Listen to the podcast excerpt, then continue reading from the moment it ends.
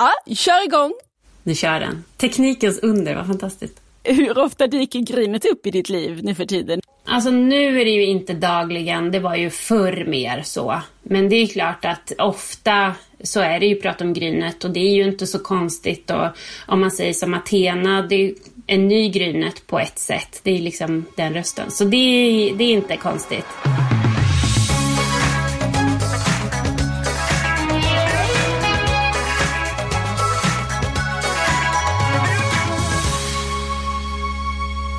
Grattis världen! Elin Ek är här nu och med sig har hon en sprillans ny bok om Athena som nu hunnit bli 13 år och som hon själv säger, hon är lite som en smartphone. Snygg på utsidan, smart på insidan och har ett jättebra minne. Athena har visst fått alla de bästa bitarna från mammas och pappas DNA och inte uppvisat en enda defekt faktiskt. Hennes brorsor däremot, de har fått lite slaskgener både här och där. Det är aldrig för sent heter den fjärde boken om Athena. Elin Ek är dagens gäst. Det här är Pocketpodden avsnitt 95. Jag heter Lisa Tallroth. Hej Elin! Välkommen till Pocketpodden. Hej, vad roligt! Tack så jättemycket. Du är ju tv-producent, programledare och här och nu framförallt författare. Mm, precis. Men sen, sen går det ju säkert fortast för de flesta att koppla om vi också säger att det är ju du som en gång i tiden var Grynet. Ja, precis. Och hade en egen tv-show på eh, SVT som Grynet. Stämmer det. Känd för att aldrig ta någon skit. Och att frukt är inte godis. Nej, och vad var det mer hon sa? Att eh, Kärlek är nyttigt, man blir kär vem man vill, det kan aldrig bli för mycket glitter. Ja, massa bevingade ord. Just det. Och eh, det var ju några år sedan. Nu är det en annan tjej som står i centrum här idag. Athena, jag har fyra böcker om Athena framför mig och den fjärde är alldeles ny. De har då titlarna Grattis världen, jag är här nu. Hur svårt kan det vara? heter tvåan. Strålkastare tack är trean och så då fyran, det är aldrig för sent. Och de här titlarna säger ju en hel del om stämningen i, i de här böckerna och om Athena som huvudperson. Hon är ju en doer. Ja. 12 år i första boken och så nu till fjärde har hon hunnit fylla 13. Och berätta lite grann om henne. Alltså, Athena är då en tjej med hybris skulle man kunna säga. Hon tycker att hon kan otroligt mycket saker. Hon är också döpt efter den eh, grekiska eh, krigs och vishetsgudinnan Athena. Och det där kan hon känna liksom att hon är, det här med kunskap, det är ju viktigt alltså. Hon tycker att, att man kan saker, det är minst lika viktigt som att bli bra i sport eller artist eller sådana saker. Och hon tycker att folk överlag har en massa kunskapsluckor som hon mycket generöst eh, försöker täppa igen genom att sprida allt hon kan. Och det här är ju det, alltså barn med hybris, det är ju något av det absolut roligaste som finns. Eh, jag tycker att det är otroligt, ja men jag skrattar ju själv när jag läser just den där när hon tycker att hon är så fullkomlig på så många olika sätt. Det är verkligen så här, grattis världen, jag är här nu. Hon är som en gåva till mänskligheten. Ja, man, man kan ana det i titlarna att hon har den här själv, väldigt, väldigt starka självkänslan. Men hon har ju också en väldigt stort intresse för att ta reda på saker. Så hon vill ju liksom lära sig grejer. Absolut, så är det. Hon tror väl inte att hon kan allting färdigt utan varje tillfälle där hon får lära sig nya saker eller hon ser att här kan jag få information, då tycker hon att det är toppen, verkligen. Eh, hon har ju då startat en, en klubb som heter Rädda Jorden-klubben med sina kompisar. Så de är ju en sorts barnaktivister på det sättet. Och det är ganska många som vill prata med mig om det där med barnaktivism. Eh, och vuxna som sätter det liksom en sorts, eh, det finns något hjältemodigt över det. Vuxenvärlden som tycker så här, åh barnaktivism det är verkligen klimataktivister som är unga, det är verkligen fint. Men jag vill också lyfta fram att det är ju ett jädra underbetyg för oss vuxna. För barn ska inte behöva vara klimataktivister. Det är liksom vårat fel hur det ser ut. Jag, så jag vill också lite, vad ska man säga, tona ner ansvaret. För det, jag märker att det är många vuxna vuxenläsare som tycker att att det är viktigt kring barn och klimataktivism. Eh, så därför så är det också så att Athena och hennes kompisar, de gör saker och ting på ett barns nivå. Sen är det så här att de kan också fightas mot eh, korrupta kommunpolitiker eller vuxna eller de gör det på sitt sätt. Men de är också barn så att de är också um, det är liksom post-it-lappar på ytterdörrar och sådana där saker. Att de inte får ta ansvar, liksom ha en massa ångest kring, kring sin klimataktivism utan att de, de försöker göra det de kan. Ja, de tänker stort och så kan man säga att de trattar ner det till vad kan vi göra här i vårt gäng och i vårt kvarter och med det vi har. Precis, och sen kan de ändå liksom sikta på lagändringar och sådana saker. Men eh, ja, det, ibland lyckas de. Ja. Och sen så för hon ju också anteckningar genom böckerna, genom berättelserna parallellt. Och det, eh, det här kallas, kallar hon då för Athenas anteckningar. Och det har hon själv bestämt vad det ska vara, eh, att det är barn och ungdomskunskaper att ta med sig i livet med syfte att bli lycklig, rik, alltid glad när det är måndag och jag får åka till jobbet samt att uppfylla min högsta dröm, att få träffa riktiga pandor. Det här startar redan i första boken, att hon bestämmer sig för att göra de här anteckningarna och sen uh. kommer det iakttagelser, frågor, funderingar. Men det är en väldigt speciell händelse som utlöser eh, den här idén att hon ska anteckna. Berätta om den. Jo, hon sitter med sin brorsa på tunnelbanan och då sitter ett par mitt emot henne som sitter och suckar hela tiden och beklagar sig. De beklagar sig över sitt jobb, de beklagar sig över att semestern är för kort och när de har semester så eh, det enda de vill, det enda som får dem att liksom glimra lite det är när de ska åka iväg själva, ha egen tid. Och då får hon liksom en insikt i att men, det här kan väl inte vara syftet med livet och kommer på att men, om jag inte om jag inte vill ha barn, då ska jag inte skaffa barn. Då ska jag ha spiral som min faste Sandra och skaffa hund istället. Och jag vill ha ett jobb som gör att när det blir måndag så ska jag inte sucka och känna så här, ah, nu är det måndag. Utan bara yes, nu är det måndag, äntligen får jag gå till jobbet. Och dessutom så har han en teori om att om man gör sånt som man tycker är roligt då kommer det att gå bra och då kommer man att tjäna mycket pengar och då kan man få åka och träffa riktiga pandor. Ungefär så går hennes logik. Var kommer den här iakttagelsen ifrån då, som Athena gör? Det är ju en eh, hård spark på smalbenet till många vuxna. Ja, jag har väl kanske alltid eh, reagerat själv när jag har hört folk på radion som ska sända roliga radioprogram på måndagar säga så här, ah, nu är det måndag igen och klaga över det när man tänker att ni har ju det roligaste jobbet som finns. Och, och jag tänker att det är något konstigt i det där med att yes, nu är det fredag och nej, nu är det måndag. Jag vet inte. Det, det, hela livet är ju fullt med måndagar och fredagar. Så det är något med det där med att man bara ska längta till helgen som, som blir lite konstig kanske. Om man tänker att man är barn och har hela livet framför sig. Hur ska, hur ska ens vuxenliv se ut? Liksom? Vad ska vara roligt? Jag älskar ju själv mitt jobb. Jag tycker att det är, det är jätteroligt när det är måndag och jag får jobba igen. jag hörde dig säga någonstans att du har väldigt eh, tät kontakt med din egen inre tolvåring. Är det så? Ja. Vad betyder det då? Vem är den tolvåringen? Nej, men jag har otroligt eh, starka minnen av hur, saker som jag upplevde, hur det var när jag gick i eh, mellanstadiet, när jag gick i högstadiet, jag, hur det kändes. Jag kan återskapa jag liksom situationer i huvudet medan typ hela min 20-årsålder, eller halva, men jag kommer inte ihåg någonting av hur det var att vara 28. Ungefär så. Skulle du säga så här, hur var det när du var 32? Ingen aning. Men om du frågar mig så här, hur var det när du var 12? Då vet jag precis. Så. Och jag tror att, jag vet inte varför, men jag har alltid haft det ganska nära mig.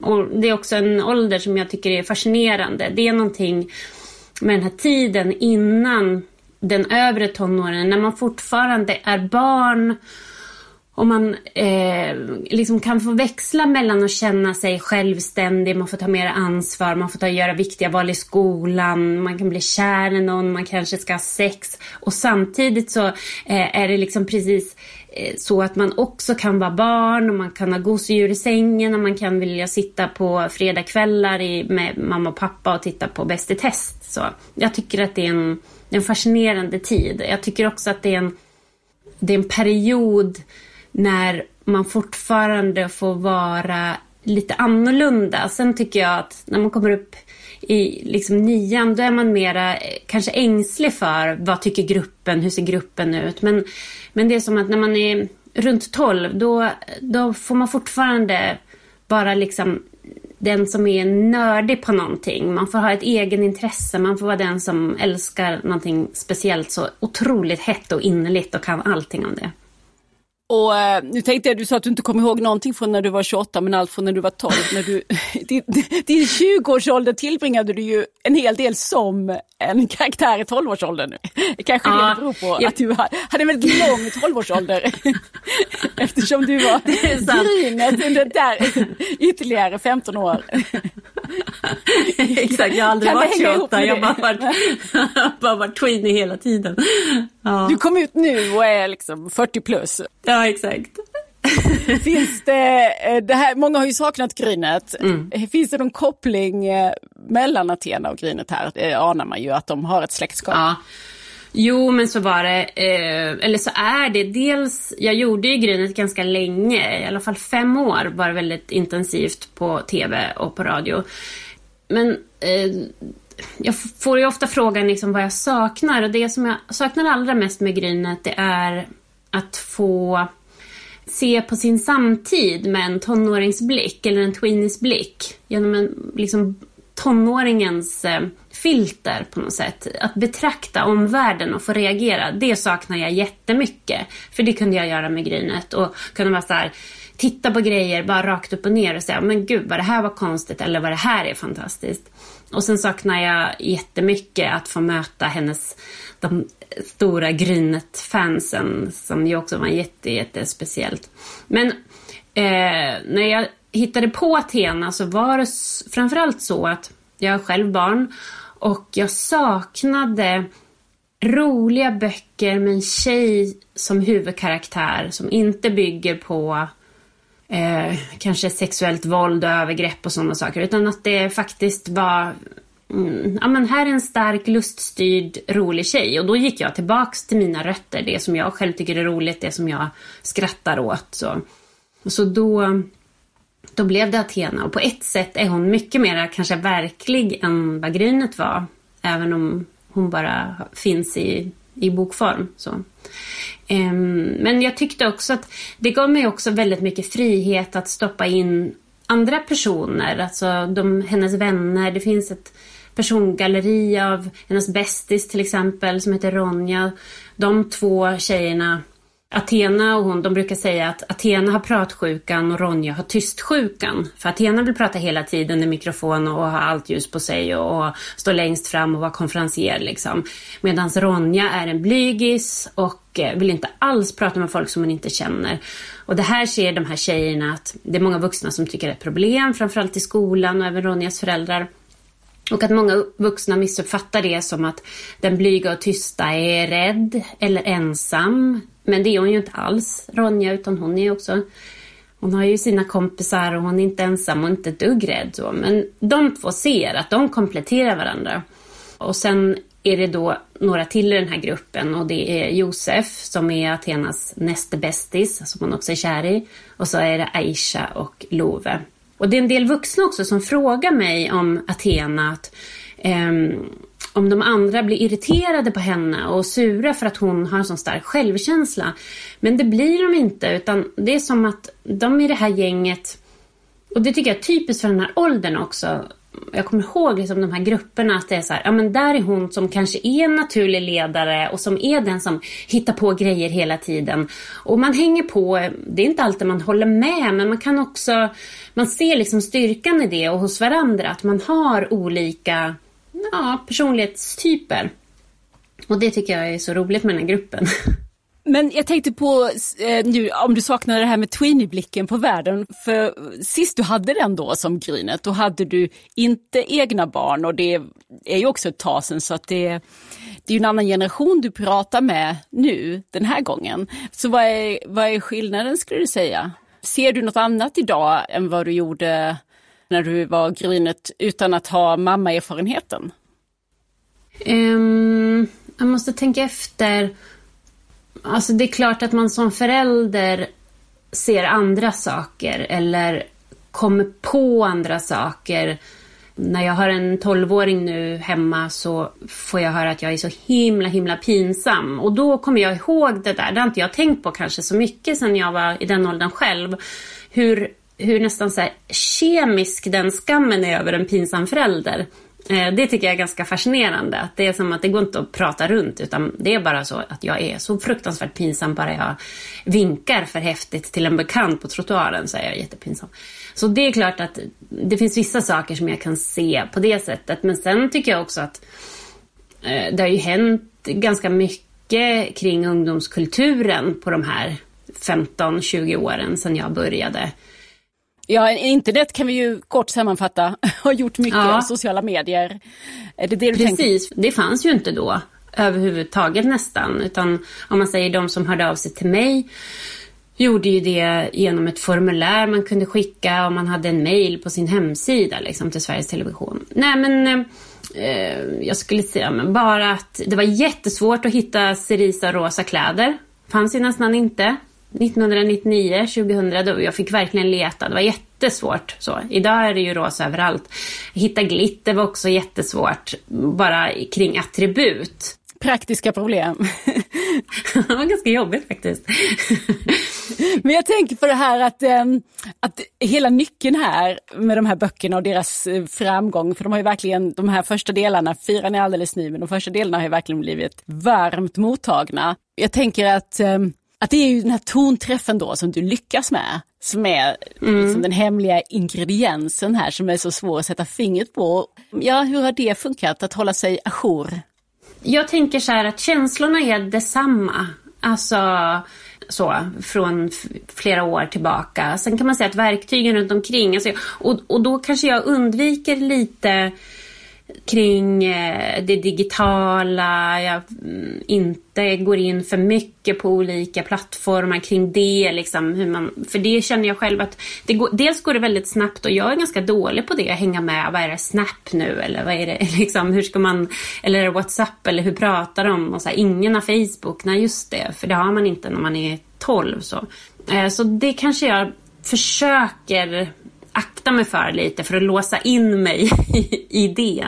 Eh, men sen tycker jag att eh, det här pandemiåret ska jag säga, det absolut svåraste för mig tycker jag, det är att inte vara bland eh, människor och att inte få hänga på Hennes och Maurits läppglanshylla och bara så här tjuvlyssna på eh, tolvåringar och följa efter dem på stan. Så det, det saknar jag jättemycket. Och då är det inte alls så att jag kopierar eller liksom plockar samtal eller idéer så, utan det är bara det här att få, få vara nära eh, eh, hur det är. Liksom, att vara i den här åldern. Och ibland så måste jag, om, jag kommer ihåg innan pandemin när man fortfarande gick på trottoarer som vanliga människor inne i stan.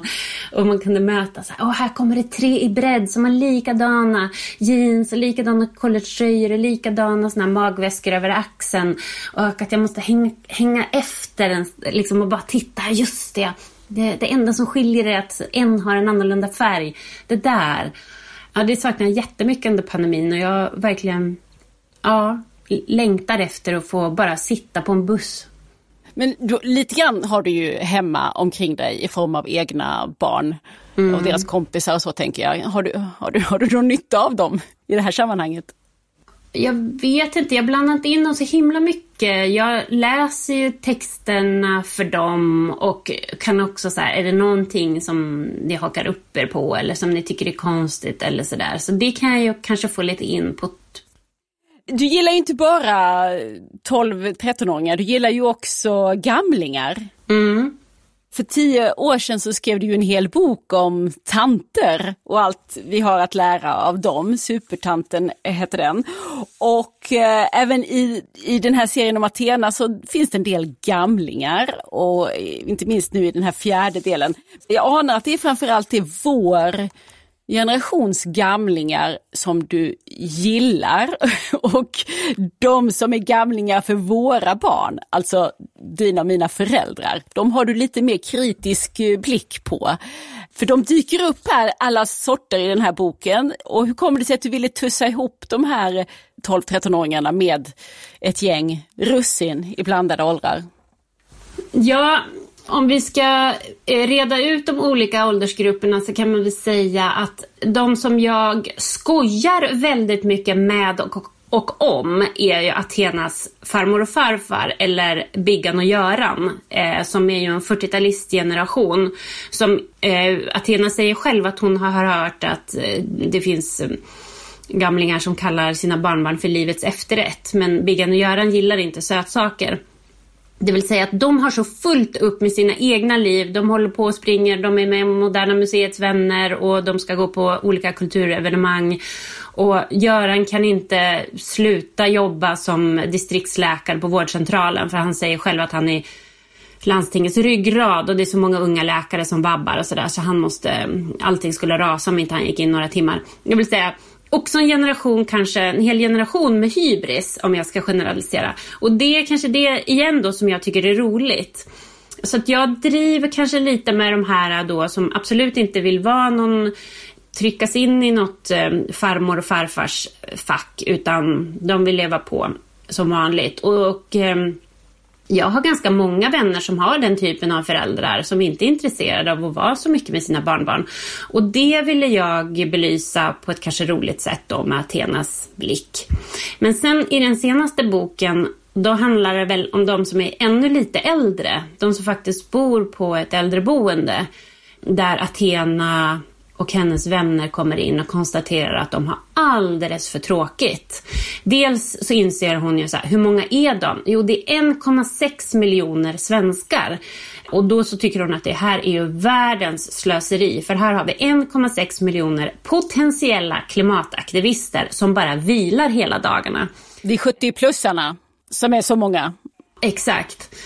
Och då så tar de sig in då på ett äldreboende, Druvgården, men de kallar dem för Russingården för de är så gamla och rynkiga. Så, och där har de vänner och eh, de ser att men här, de har alldeles för tråkigt. De har en gammal tjock-tv med tre kanaler och inga spel och inget wifi som funkar. Så det här behövs det in och de tycker det är så konstigt för de konstaterar de här barnen att redan i förskolan så hade de läsplattor och paddor och så. Medan här finns det ingen ny teknik alls utan här ska alla plötsligt vilja se samma tv-program hela tiden. Så det där blir liksom första utmaningen, att fixa till så att det blir roligt. Lite spel och bra tv-kanaler och serier och, och så. Eller som, som Athena uttrycker det, rädda gamlingarna från att dö på insidan genom att informera om hur det går till på 2000-talet hon vill blåsa lite liv i dem, dels för att de ska få ha det roligare men sen också då vara mottagliga för eh, lite klimataktivism. Vilket ju ja. är hennes större liksom, kall här i, i tillvaron. Precis, och hon konstaterar ju också att det finns ju nästan inga som har ett sånt brett kontaktnät som de som är 80 plus alltså. För de har ju både gamla kollegor, partners, barn, barnbarn, barnbarnsbarn. Skulle alla de skicka ett, eh, ett brev till någon de känner med en uppmaning om att lämna ett mindre fossilt avtryck eller vad det nu är så, så sprids den folkrörelse här är hon ju rätt hård också till henne, för hon talar ju om för dem att det är faktiskt deras fel att planeten mår så dåligt. Det är lite olika reaktioner på det. Alltså dels, eh, de, de resonerar ju kring det i Rädda Jorden-klubben. kan man skuldbelägga alla kanske inte har gjort så här och de konstaterar ju också att det stora problemet var väl att folk inte visste bättre. Och det är ju det som är den stora skillnaden. Att nu vet vi. Vi kan inte slänga allting i samma soptunna utan det måste sorteras för att vi ska kunna återanvända sakerna. Vi kan inte bara köra slit och släng utan det är bra att byta och köpa begagnat och sådär. Så att det är framförallt tror jag den informationen. Men sen så har de väl pratat om om det är någon som inte vill bry sig och inte lyssna så så eh, får man ju säga att det kanske så här att de är ganska nära döden. Man vet ju inte vad som händer sen på andra sidan. Och det kanske det här, om nu helvetet och himlen finns, då kanske det här som puttar över dem på den goda sidan. Så resonerar Athena och eh, hennes vänner. Vågar du chansa så här precis innan Exakt. det är dags? Mm, Var vill du hamna? Men du, jag tänker att alltså, en roman, det måste ju vara någon slags mix av konstruktion och intuition. Hur mycket tänker du ut innan och hur mycket bara kör du när du skriver? Ja, ganska mycket så bara kör jag. Att jag hamnar i en dialog och ser vad den, vad, vad slutar det liksom så. Men sen är det klart att jag har en, liksom långa bågar och en grundstomme och att jag kanske är så här, ja men hur ska det bli nu? Till exempel med den här boken så i de andra böckerna har jag Athena varit 12 år och gått i sexan. Men nu skulle hon börja högstadiet. Och då var det också så att det är ganska många som vuxna som frågar mig så här, som vill att vi ska prata om hur jobbigt det är att börja högstadiet. Kan du säga någonting åt alla stackare nu som, som tycker det är så jobbigt att börja i sjuan och sådär. Och då tänkte jag så här, men vad fasiken, Ja, det är klart att det kan vara jobbigt att börja högstadiet, men högstadiet är ju också fantastiskt och det pratar man inte om. Så då var det viktigt för mig att liksom ladda så att Athena, hon är den här som bara Yes, äntligen! Det här har jag förberett mig för i hela livet. Jag ska börja i 7B. Yes, nu! Jag ska få skåp, liksom det där som är pirrigt och vara i högstadiets korridorer och det som är härligt liksom. För jag menar, det är så lätt att vi tänker tillbaka och på något sätt klistrar in hela högstadiet med någon slags eh, tonårs, eh, så här, pubertetsångest. Men det är ju inte bara det, utan det är ju också fantastiskt, det är härligt, det är spritter och man får göra nya grejer och en massa lärare. Alltså det finns ju så mycket härligt också. Och det känner jag att det är en sån där grej som jag kanske tänker innan, att jag måste få in det här. Att det också kan vara lustfyllt att få börja sjuan och man kan få längta efter det. Mm. Jag lever också väldigt nära barn i precis den här 12-13 års åldern. Och det är sån här liksom ständigt återkommande diskussion hemma hos oss att de verkligen har ett mustigt språk, minst sagt. Men jag tänkte på det där att eh, om det var någonting du hade funderat på när du skrev, att du behöver liksom styra upp språket lite grann. För de svär ju till exempel inte, de här barnen. Nej. Det är ganska roligt för att det här med språket har ju varit något som eh, har varit ganska centralt ända från Grynetiden. För då blev jag ju anmäld ganska många gånger till granskningsnämnden och det var väldigt många som var upprörda på Grynet, vuxna. Och det som upprörde folk allra, allra mest, det var språket. Och det som stod i de breven och anmälningarna som kom in, det var ju att Grynet svor hela tiden och hade ett dåligt språk. Och jag svor nästan aldrig som Grynet. Använde inte de vanligaste svordomarna utan jag vet att jag sa fasiken en gång och jädrans en gång. Sen kunde ju Grynet säga att saker och ting var skitbra eller skitdåligt. Skit var ett ord som man använde. Eller sjukt bra eller sjukt dåligt. Men jag tycker att det är intressant att man uppfattade det som att jag svor hela tiden jättemycket. Eh, jag tycker själv att det är viktigt med språket. Jag tycker det är viktigt hur man uttrycker sig. Och jag eh, har inte så mycket svordomar i mitt hem. eh, och, och, jag eh, tänker kanske att ibland så skriver jag in någon svordom men så känner jag att det behövs inte. Ibland behövs svordomar både i livet och i skrift men inte så himla ofta utan jag tycker att man kan uttrycka det på andra, så, på andra sätt. Men vill, ville du undvika det för att du kände dig också lite bränd från Grynetiden, att det blir sånt rabalder eller? Nej, absolut inte. Jag tycker bara att det var en intressant ingång att en, en tjej som Grynet kunde provocera så otroligt mycket bara genom sitt språk. Och att det var en sån markör av att ifrågasätta en flicknorm som fanns i början på, i slutet på 90-talet eller början på 20-talet. Hur får en flicka prata, röra sig, så. Men eh, jag känner inte alls att det är ett problem. Jag kan använda svordomar när jag tycker att det behövs, men jag tycker inte det behövs så ofta. Apropå att utmana normer så eh, hade liksom Grynet en annan uppgift att göra på sin tid än vad Athena har idag. De lever i lite olika världar. Ja, det kan jag väl tycka. Och jag kan också tycka att de Athenas kompisar har en uppgift som inte fanns då. Att den tysta, blyga tjejen måste också få en tydlig plats och ha, eh, vara precis lika viktig. För idag så känner jag att eh, det är väldigt många föräldrar, och det märkte jag redan på Grynets tid, som ville att deras barn skulle vara som Grynet, att de skulle ta för sig, att de skulle ta plats verbalt. Varenda bokhylla så finns eh, godnattsagor för rebelltjejer. Och den tycker jag är jätte, jättebra och jätteviktig. Men alla vill inte vara rebelltjejer och det måste vara precis lika okej. Okay. Och vi har Josef då, Athenas nästbästis, vars föräldrar är invandrare från Syrien. Och han är en fantastiskt gullig, snäll kille som också är kär i Athena. Och att få också ha en ett nyanserat pojkperson eh, som inte är en potentiell förövare eller vad det nu skulle kunna vara utan faktiskt är en jätte, jättefin kille. Liksom. Så jag känner att det behövs det behövs ännu flera porträtt. Jag tycker kanske ibland att det blir lite stereotypt i barn och ungdomskultur, framförallt inom det andra media som jag jobbar som TV till exempel. Hur flickor och pojkar porträtteras. Fortfarande? Ja, fast på ett sätt som kanske var annorlunda för 20 år sedan. Det finns väldigt mycket problem kring eh, flickor och pojkar hur man skriver om dem idag. Det är väldigt problemorienterat enligt mig. det här är min åsikt. Men jag tycker att det handlar mycket om att alla, vi förutsätter att alla mår otroligt dåligt. Och det är klart att vi ska prata och ta upp om psykisk ohälsa och övergrepp och så. Men jag tycker också att det är viktigt att det blir nyanserat och att vi kan lyfta fram flams och trams och humor och det som är roligt och det som också är luststyrt och nöje och pirr och glädje.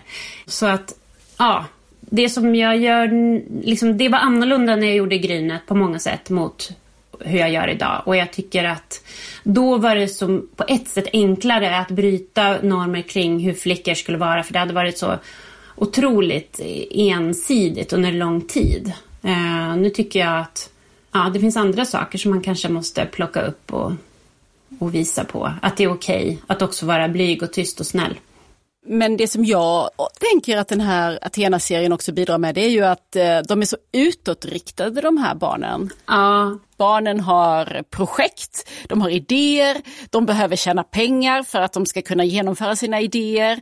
Då funderar de på hur de ska lösa det. Det är liksom ett mer utåtriktat liv än jag tänker att man, vi kanske har fastnat lite i de senaste åren, att bara hålla på liksom och pilla oss i, i naven jag tror att det är det som jag tycker är fantastiskt med den här åldern. Att de ofta, eller kanske alltid, har varit sådär intressedrivna faktiskt. Alltså, det är i den här åldern som man hör när folk har byggt sina egna mackapärer och byggt sina egna leksaker eller det var då man hade de här klubbarna som gjorde saker och ting. Så att jag tror att det är det jag tänker med den här liksom ålderskategorin. Men sen för mig har det varit viktigt att det, de som är lite udda, sticker ut eller är lite aparta, att de också får vara vinnare. Ehm, det känner jag att jag vill också visa. Att man läser böckerna och känner att det, man lämnas med känslan av att ingenting är omöjligt. Och jag tror att det är det som är när många vuxna frågar så här, ja, men hur, hon verkar ju helt odräglig eller skitjobbig och så. Men det är hon inte. Hon är bara en doer och en idéspruta utan dess like. Men också jätte, jätte, jättesnäll. Så att hon, hon har liksom flera drag som också gör att hon, ja men hon vinner och hon har respekt och hon är snäll och omtänksam. Och samtidigt så tror jag många vuxna tycker att hon är asjobbig för att hon tar så mycket plats. Ja, men jag tror också som du var inne på att hon är för många föräldrar något av ett drömbarn, det här utåtriktade, mm. mm. idérika, ansvarstagande. Modig är hon ju också och vågar ta för sig. Eh, men ehm, tänker du att föräldrarna har någonting att eh, ta med sig från de här böckerna för sin egen del? Absolut. Dels har jag skrivit den här boken också lite med en, en förhoppning om att det ska vara en högläsningsbok eller en bok som man lyssnar på hela familjen. För det, det har jag saknat själv. Någonting som, som alla kan tycka är, är roligt. Och jag tror att de som är som oss, som är Athenas föräldrageneration, vi som är födda på 70-talet. Jag tror att eh, det finns mycket som vi kan känna igen oss i. Och det har jag liksom försökt peta in också, att alla alla ska hitta någonting i de här böckerna, att det ska funka över generationerna. Och jag tror det är klart att Athena kan vara en inspirerande person för, även för 40-åringar. Finns det några Athena-böcker till som väntar på att få komma ur dig? Eller är du... Ja, det gör det nog. Och sysslar du med annat nu? Just nu sitter jag och skriver på en eh, serie för UR, för mellanstadiet, om skrivande. Så det håller jag på med, så det är lite inom samma område. Och sen jobbar jag på ett eh, tv-produktionsbolag också som programutvecklare och som tv-producent. Man kan ju föreställa sig Athena i en tv-serie. Det tycker jag också. Absolut. Jag, det, om, det skulle, om det är upp till mig, då skulle det ha varit gjort för länge sedan. Men eh, det kan man väl säga till alla kanalchefer och beställare där ute i landet. Hon skulle passa perfekt. Mm. Än så länge finns hon som eh, i bokform, inte mindre än fyra härliga böcker finns det att sätta tänderna i om Athena och hennes eh, polare i eh, Rädda Världen-klubben. Det är aldrig för sent, heter den fjärde delen som vi har pratat mest om nu. Tusen tack Elin Ek för att du var med i Pocketpodden. Tack så jättemycket för att jag fick vara med. Nästa vecka kommer Kiki Selstedt hit till Pocketpodden. Hon är journalist, kriminolog och författare till en rad spänningsromaner. Den senaste heter Bara ett offer och utspelar sig under metoo-upprorens omvälvande tid vintern 2018. Tills dess, lyssna och läs och följ oss gärna i sociala medier. Där heter vi Älska Pocket. Och jag heter Lisa Tallroth. Hej då! Åh, oh, gud. Svettigt. Hej, jag är tillbaka. Det bara dog plötsligt här. Nu blev det jättemycket lagg både i bild och ljud här under tiden. Nu hängde det sig. Det här är verkligen ett samtal med förhinder. Nu har det helt stannat både ljud och bild. Nej, testa nu kom igen. Du tillbaka. Nu kom du tillbaka. Mm. Jo, och då säger jag så här att jag, jag hörde dig säga... Nu har du fastnat. Nu fastnade du igen. Ja, du fastnade också. Hörde du mig inte? Det här är som när jag facetimar med min mamma. Eh, vad sa du? Du har lyssnat på Pocketpodden. En podd från Bonnierförlagen.